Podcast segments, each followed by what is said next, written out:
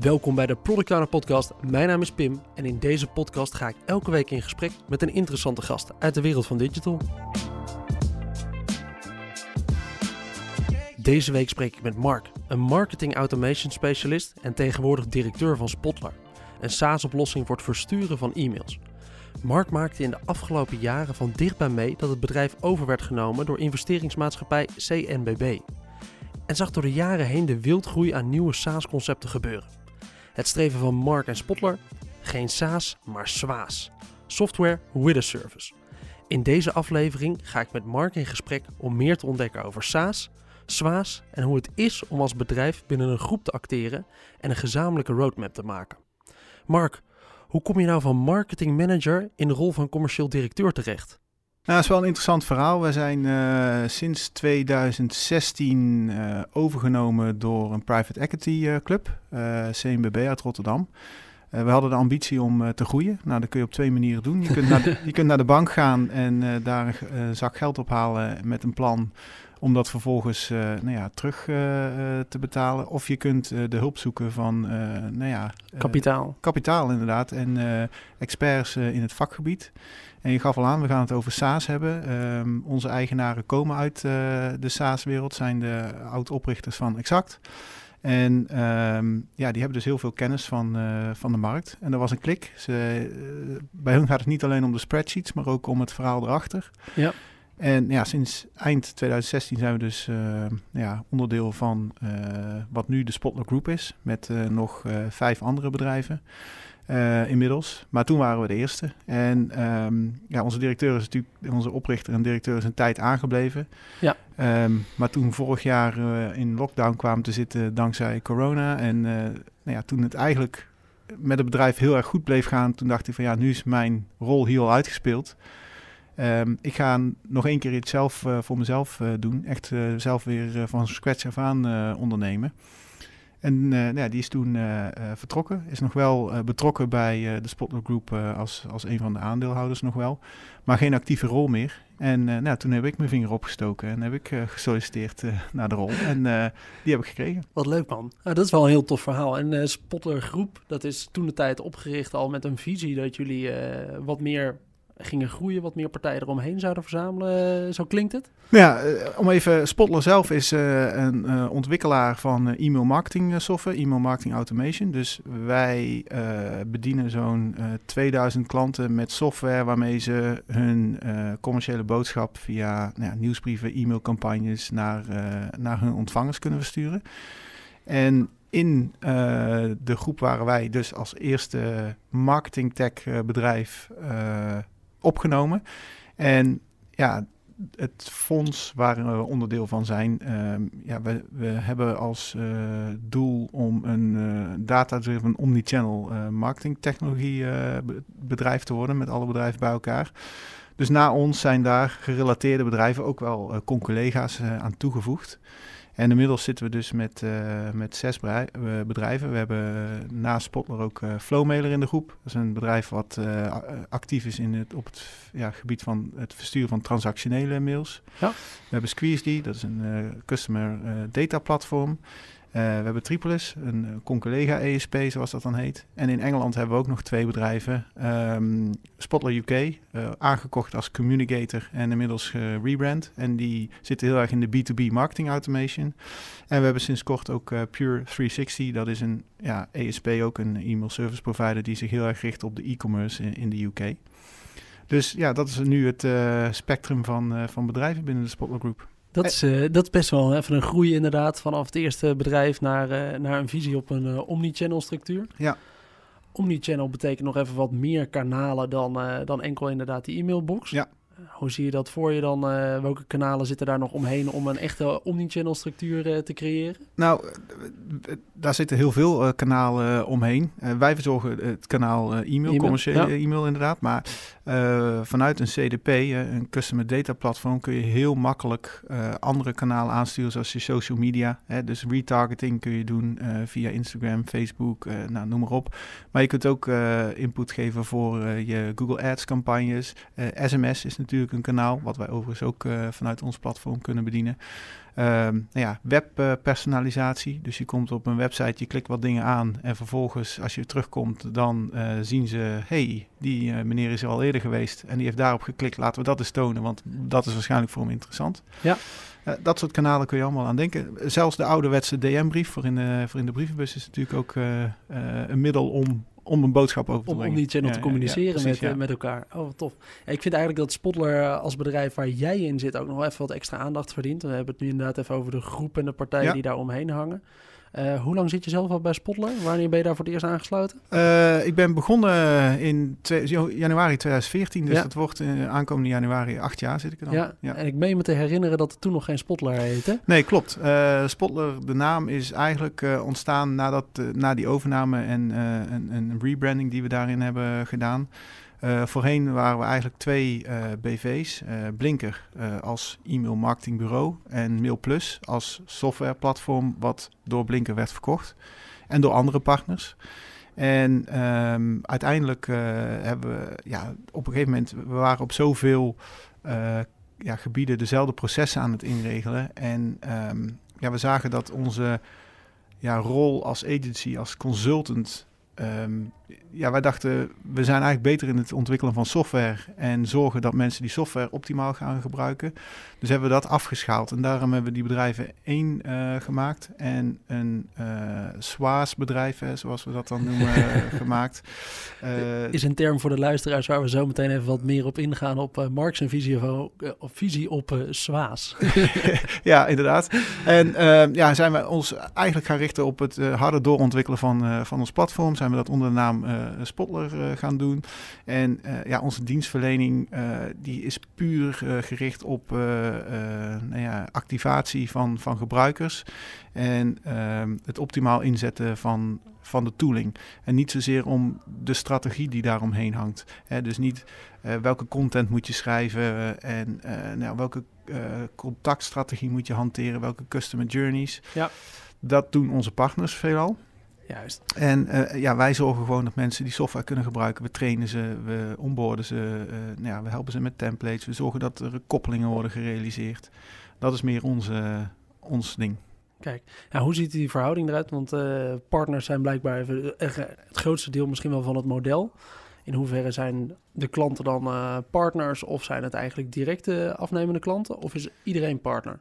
Nee, uh, we hebben een netwerk van zo'n 300 uh, partners. Niet allemaal zijn even actief. Ja. Maar wat zij doen is zij, wat wij dan noemen, verwijzen, referen een, een klant naar ons als het gaat om e-mail marketing of e-mail marketing automation. Dus ze hebben bijvoorbeeld een webshop gebouwd voor een partij en ze zien dat ze met een bepaald pakket werken waarvan ze zeggen, hm, dat, daarmee haal je niet maximale uit, uit dat kanaal. Je moet dus met de mensen van Spotler praten. Dan worden wij geïntroduceerd, doen wij de demo, geven wij uh, offerte af, wordt getekend, komen ze bij ons uh, als klant binnen, zorgen wij voor de onboarding. En op dat moment uh, lichten we ook die partner in van, eh, ze zijn onboord, jullie kunnen jullie strategie met die klant gaan bepalen hoe zij voor hun webshop hun e-mailkanaal beter kunnen gaan inzetten. Kijk, kijk, dat geeft al even wat meer beeld van hoe die, ja. hoe die structuur nou in elkaar zit. Ja. En ja, dus klanten worden direct uh, klant uh, bij ons. Kijk, kijk. Oh, dus de, de partners zijn echt ertussen om de referring te geven door ja. naar jullie toe. Ja, en het zijn vervolgens directe gebruikers in het online platform van. Spotler zelf. Ja, ja, ja. Kijk. Hey, Mark, jouw rol bij Spotler is ondertussen dan uh, directeur. En uh, we hadden het er van tevoren al eventjes over. Ja, ik vraag me dan toch af, uh, waar moet je nou heel goed in zijn om de directeur van Spotler te zijn? Ja, nou je moet in ieder geval heel goed inzicht hebben in wat er speelt in het bedrijf. Ik, kom natuurlijk, ik heb een marketingachtergrond, dus ik, ik, heb een heel goed beeld van wat er speelt in de markt hè, en welke behoeftes daar zijn en waar wij aan kunnen voldoen. Maar als directeur moet je natuurlijk ook inzicht hebben hoe gaat het met de mensen, welke afdelingen lopen goed, hoe lopen de processen, um, ja, waar staan we financieel. Dus je moet eigenlijk gewoon in staat zijn om uh, een, een, algemeen beeld ook van de, ja, van de organisatie te hebben, van wel en wee. En daarvoor moet je heel erg betrokken zijn, denk ik. En ik denk ook dat je ja, een bovengemiddelde ambitie en een drive moet hebben om, om daar uh, succesvol in te zijn en om dat te doen laten slagen. En ik denk ook dat je goed met mensen moet kunnen omgaan. Je moet denk ik ook ervoor zorgen dat iedereen ja, zich thuis voelt bij, bij het bedrijf. En dat iedereen ja, zichzelf kan zijn en ehm, ja, niet de afstand voelt naar... hé, hey, daar zit de directeur in zijn ivoren toren. De Ivoren Toren is er eentje die ik steeds vaker weer voorbij hoor komen wij inderdaad uh, directies van bedrijven. Dus dat deelt eigenlijk tegen. Vroeger was dat heel cool als je als directeurtje helemaal boven in het pand zat in je grote kantoor en uh, iedereen blijft bij je weg. Maar tegenwoordig moet die grens eigenlijk zo klein mogelijk zijn. Ja, het ligt er een beetje aan hoe het bedrijf is opgebouwd, wat de cultuur is. Ja. Uh, ook een beetje hoe uh, de hiërarchie uh, is. We hebben altijd wel een platte, platte, organisatie. Ja, platte organisatie gehad en ook een hele open, transparante cultuur. Ehm, iedereen kan elkaar aanspreken op, op zaken. Iedereen ehm, is wat dat betreft gelijk. En ja, ik ben natuurlijk niet uh, eigenaar van het bedrijf. Ik ben ook gewoon in die zin een medewerker. Dus uh, in die zin ben ik net zozeer uh, belangrijk als, als, als onze receptionisten of iemand die een developt of iemand in het marketingteam. We zijn allemaal medewerkers. Ja, en die betrokkenheid noem je nu een paar keer. Wat is nou echt een betrokkenheidsdingetje wat jullie bij Spotler doen, uh, waar je van zegt, nou dat vind ik wel heel leuk of iets wat ik zelf uh, graag doe uh, binnen de organisatie om die betrokkenheid zo goed mogelijk te maken? Nou, um, we zien zeg maar dat collega's elkaar opzoeken om leuke activiteiten te doen. Buiten, we hebben een feestcommissie sowieso. Die feestcommissie die is verantwoordelijk voor een aantal zaken. Zorgen dat we een heel goed kerstfeest hebben. Nou ja, dit jaar zal het. ik ben benieuwd hoe dat gaat lopen. Maar die, die doen dus bijvoorbeeld ook uh, normaal gesproken Sinterklaasmiddag organiseren voor al ouders met kinderen. Ja. Um, ja, ze hebben van de zomer een, een barbecue uh, georganiseerd. Toen de versoepelingen weer een beetje nou ja, toelieten, hebben we gezegd van ja, voor het eerst in anderhalf jaar komen we weer met elkaar bij elkaar.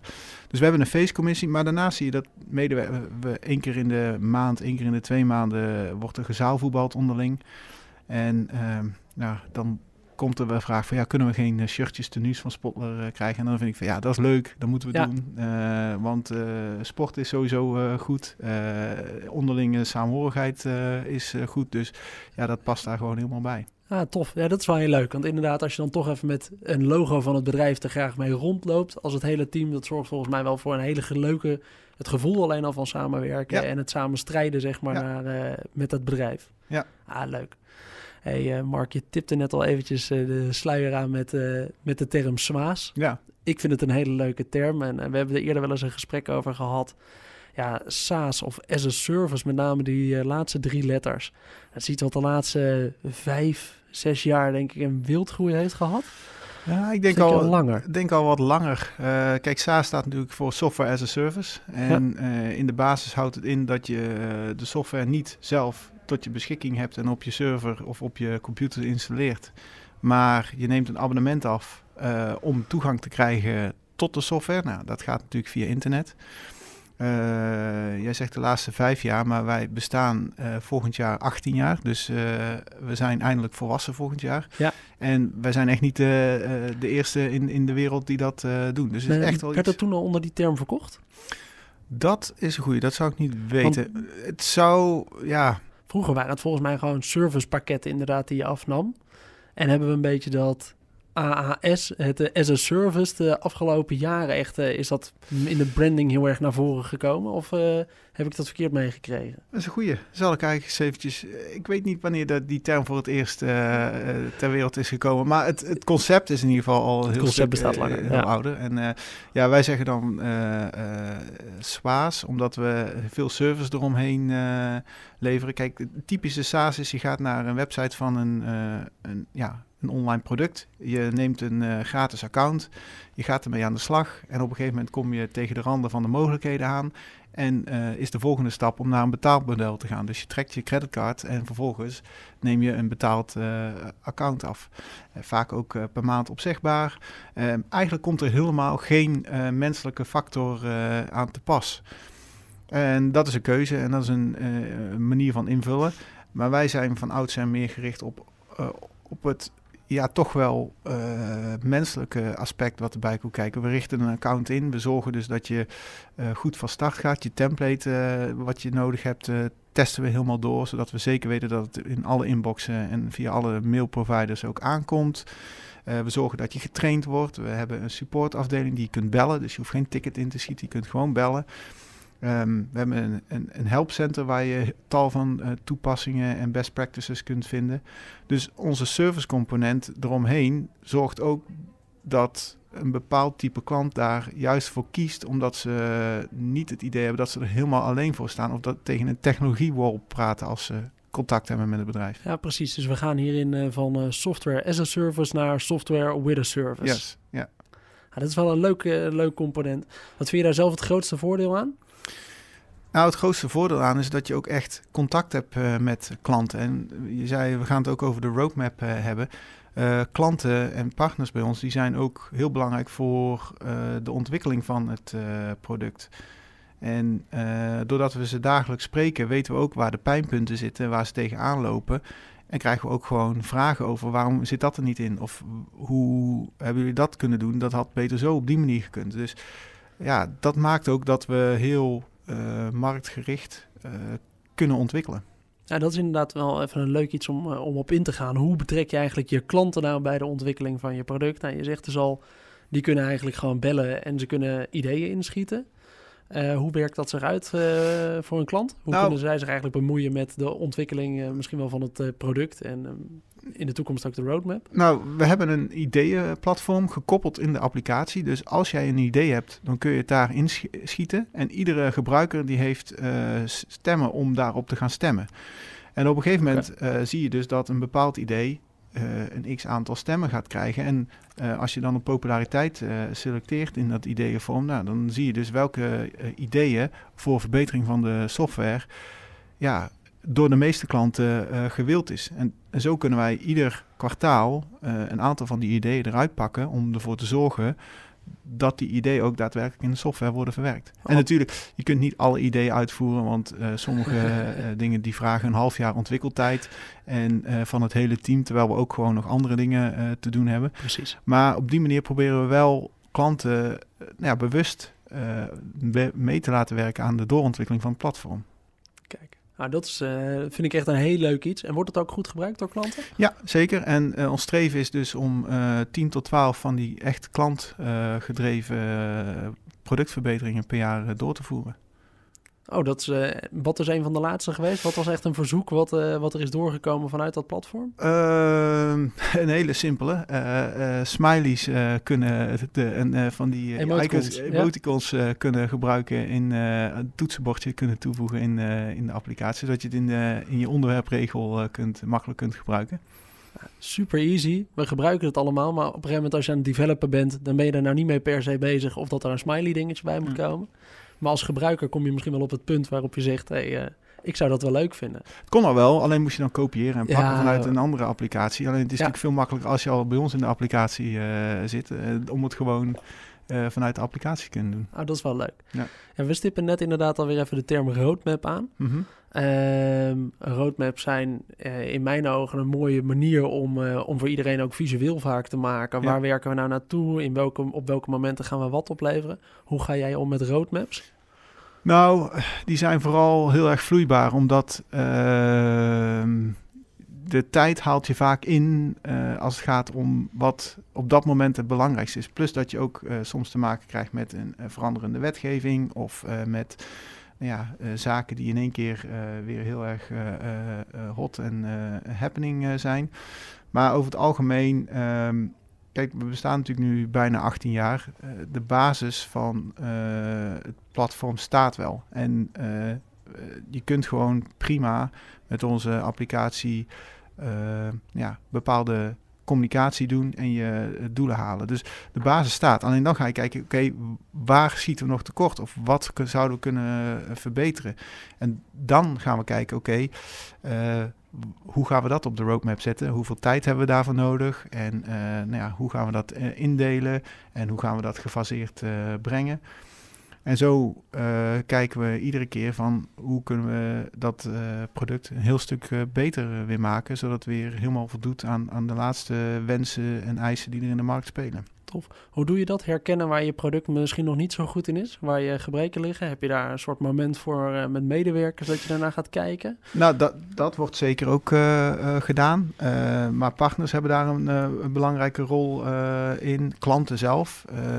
de ideeën die zij inschieten in het ideeënforum, ja, die te groot zijn om, om in een kwartaal te kunnen releasen. Ja, dat zijn vaak de ideeën die uh, aangeven van oké, daar moeten we uh, ja, fundamenteel op verbeteren. Dus, en ook in gesprekken die we hebben met potentiële klanten, als we een demo geven. Ja, die, kijk, iedere klant die wij nieuw aansluiten, die komt van een andere ESP. Die heeft al ervaring met e-mail marketing. Het is natuurlijk een volwassen kanaal inmiddels. Dus dan zie je dat, dat ze ervaringen hebben bij andere platforms. En dan kunnen ze ook vergelijken. En dan zie je wel eens van, hey, dat zit in dat platform er beter uit. Of hey, dat kan daar makkelijker. Ja. En zo, ja, een verzameling van uh, allerlei momenten waarop we zeggen van, oké, dit is wel het moment waarop we dit kunnen gaan aanpakken. Of hier moeten we nu uh, mee aan de slag. Ja, precies. Ik denk dat partners in, uh, voor een bedrijf het veel leuker kunnen maken. Inderdaad, omdat je hem veel meer input kan krijgen. Mm -hmm. Maar het soms ook wel moeilijk maken dat er heel veel diverse wensen zijn. Ja, klopt. Hoe gaat dat nou, het betrekken van partners in, in dit soort dingen? Nou, nog even terug. Oh. Kijk, uh, als je kijkt naar wat we dan moeten gaan doen, ja. dan gaan we natuurlijk ook kijken, oké, okay, voor welk type klant of voor welke behoefte of welke functie uh, is dat uh, het meest kijk, we kunnen voor één klant iets doen, maar dan ben je maatwerk aan het doen. Dus we willen het altijd zo voor zoveel mogelijk uh, klanten op een goede manier oplossen. Precies. Dus dat is wel een belangrijke uh, factor ook uh, in de keuze wat er op de roadmap komt te staan. het moet een hele grote groep aan klanten helpen en verder helpen en dat we die klanten dus beter kunnen gaan bedienen.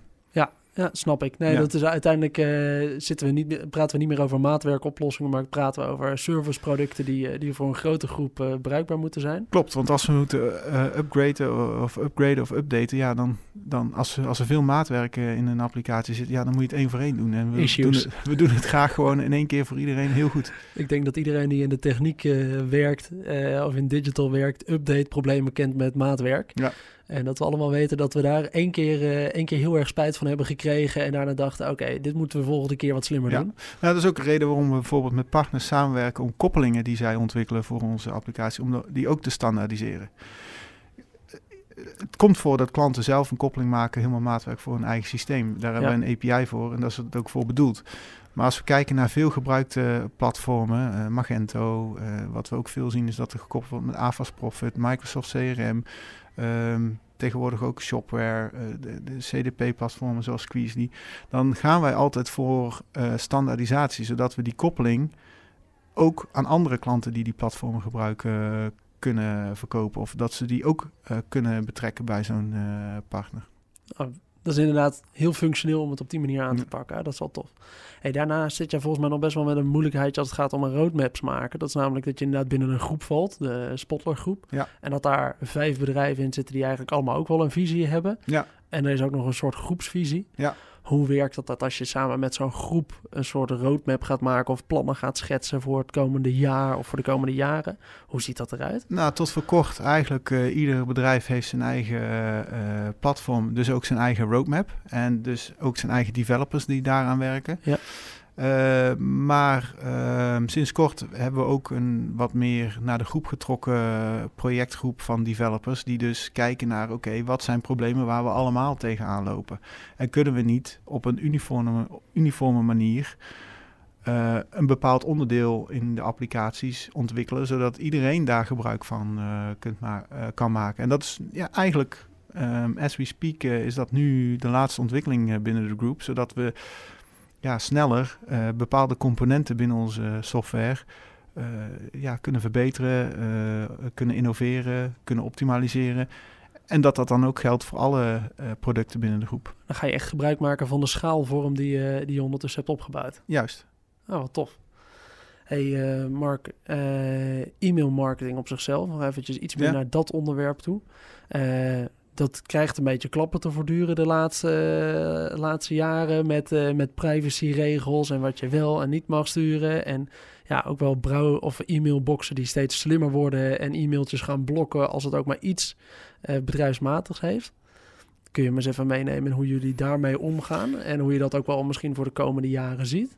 Nou, uh, het is vandaag Black Friday en ik kan je vertellen, de rook komt bij ons uit, uit de servers. Dus uh, het is nog steeds een kanaal wat heel erg uh, populair is. En je, kijk, het is permissie-based marketing. Hè? Dus ja. als jij geen toestemming hebt gegeven om, om jou te mailen, dan dan kunnen wij ook niet toestaan om, om jou uh, een e-mail Dat is echt veranderd door de jaren heen natuurlijk. Nou, de telecomwet uh, die is al een tijdje van kracht. En uh, die ja, die schrijft dat al een hele tijd uh, voor. Wij, je kunt in Nederland geen, hè, in sommige landen kan dat wel, kun je e-mailbestanden kopen. Die kun je dan bij een ESP uh, importeren en je kunt ja. Uh, nou ja, Blanc gaan mailen. Dat, dat kan in Nederland al een hele tijd niet meer.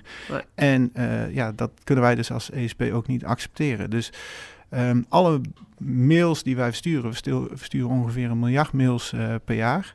Wow. En die ja, dat zijn allemaal uh, mensen die hebben aangegeven, ja, van deze partij wil ik een mail uh, ontvangen.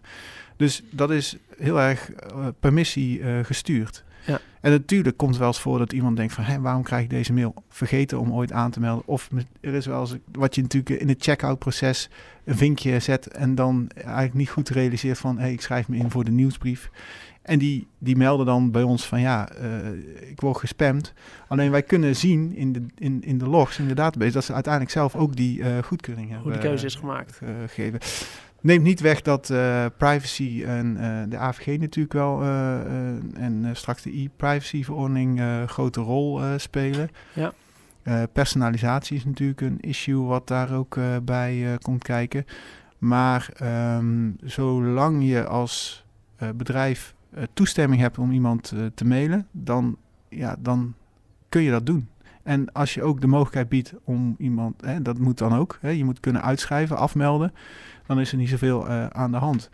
En ja, ik geloof nog steeds in de kracht van het kanaal e-mail, omdat je in één op één met iemand kunt communiceren. En juist de mogelijkheden om, om het steeds persoonlijker te maken, maken het steeds aantrekkelijker voor bedrijven om juist weer terug te vallen op e-mail. Ja, snap ik. Ja, ja. Hoeveel e-mails denk je dan dat er vandaag verstuurd worden op zo'n Black Friday? Dan praten we echt over uh, 150.000 e-mails. Over... Nee, dat gaat in de miljoenen. gaat in de miljoenen. Ja, dat gaat zeker in de miljoenen. Uh, vorig jaar uh, hadden we. Oeh, nou, ik denk uh, in een paar uur al uh, een, een, paar miljoen. Uh, en dat was echt tussen, echt s ochtends vroeg, hè, of eigenlijk in, midden in de nacht, al, ja. van tussen, 1, of tussen 12 en 2 al. Dan begint het. Ja, ja want dan beginnen die aanbiedingen en dan, dan wordt er al gemaild. En dan zijn de eerste miljoenen mails alweer verzonden. Dat is een schaal die je bijna niet kan voorstellen. En ik geloof inderdaad dat, uh, dat de servers het dan wat zwaarder hebben. Draaien jullie de servers intern bij jullie? Nee, we, uh, nee, nee dat is allemaal uh, bij een externe partij. Ja. In, in, wel in Nederland. Hè, oh, in want, Nederland, ja, precies. precies. dus dus voor de AVG belangrijk dat precies. onze data daar staan. En uh, ja, die hebben dat natuurlijk helemaal uh, op orde en uh, helemaal beveiligd. als je daar binnen wil komen, is net Fort Knox. ja. Dus, ja, dat is altijd wel heel cool om te zien, zo'n ja, datacenter. Ja, ja, ja, ja, ja, allemaal van die rekken vol met, met van die pizzadozen met die, die, die lichtjes en kabeltjes. Pizzadozen met heel veel stekkertjes en een paar knopjes. En. Klik niet op dat ene knopje. Nee.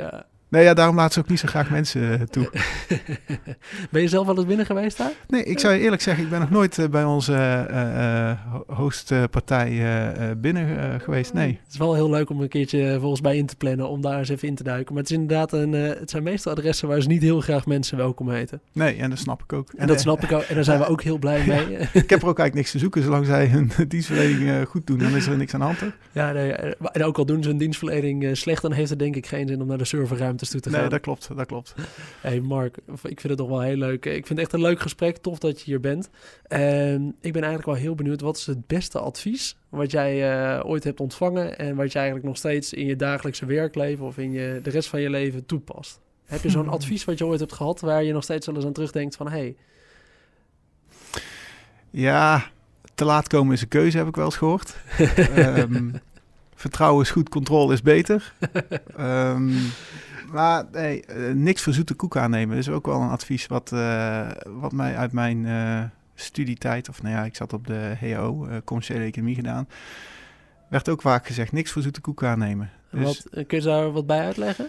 nou ja, eh, als jij alles wat jou wordt verteld aanneemt als de waarheid, dan, eh, dan wordt jouw beeld van de wereld heel erg gekleurd. Maar als jij voor jezelf gaat afvragen of dat wel de waarheid is, of, of het niet misschien anders of beter of efficiënter kan, ja, dan stel je open voor eh, om op een andere manier te denken en op een andere manier naar zaken ja, misschien aan te pakken of ja, daarin eh, iets misschien eh, genuanceerder of misschien juist een, een beter beeld van te vormen.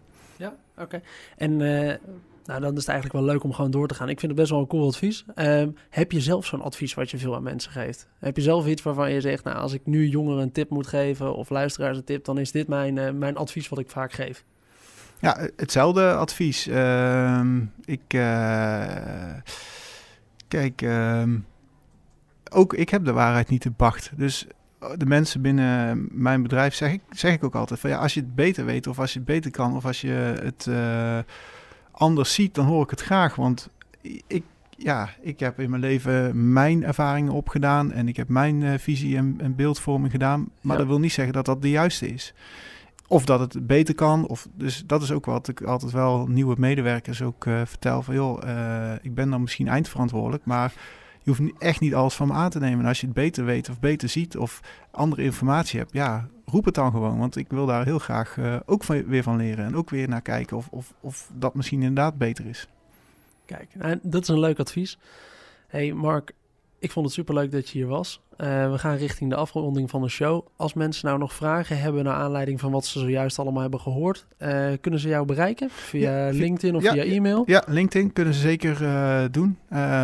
Mark van den Berg en dan Spotler. Dan komt het helemaal goed. En dan stuur even een DM'tje of een connectieverzoek. En dan kan ik alle vragen beantwoorden. Ja, super.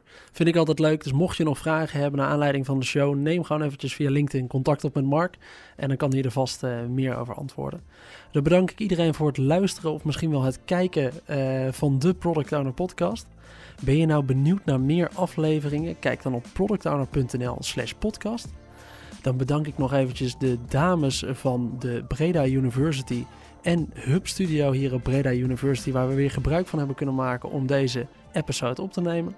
Heb je nou nog algemene vragen of opmerkingen naar aanleiding van deze show, dan mag je ook mij eventjes mailen op pim.productowner.nl. En dan hoop ik dat je de volgende aflevering weer luistert naar de Product Owner podcast.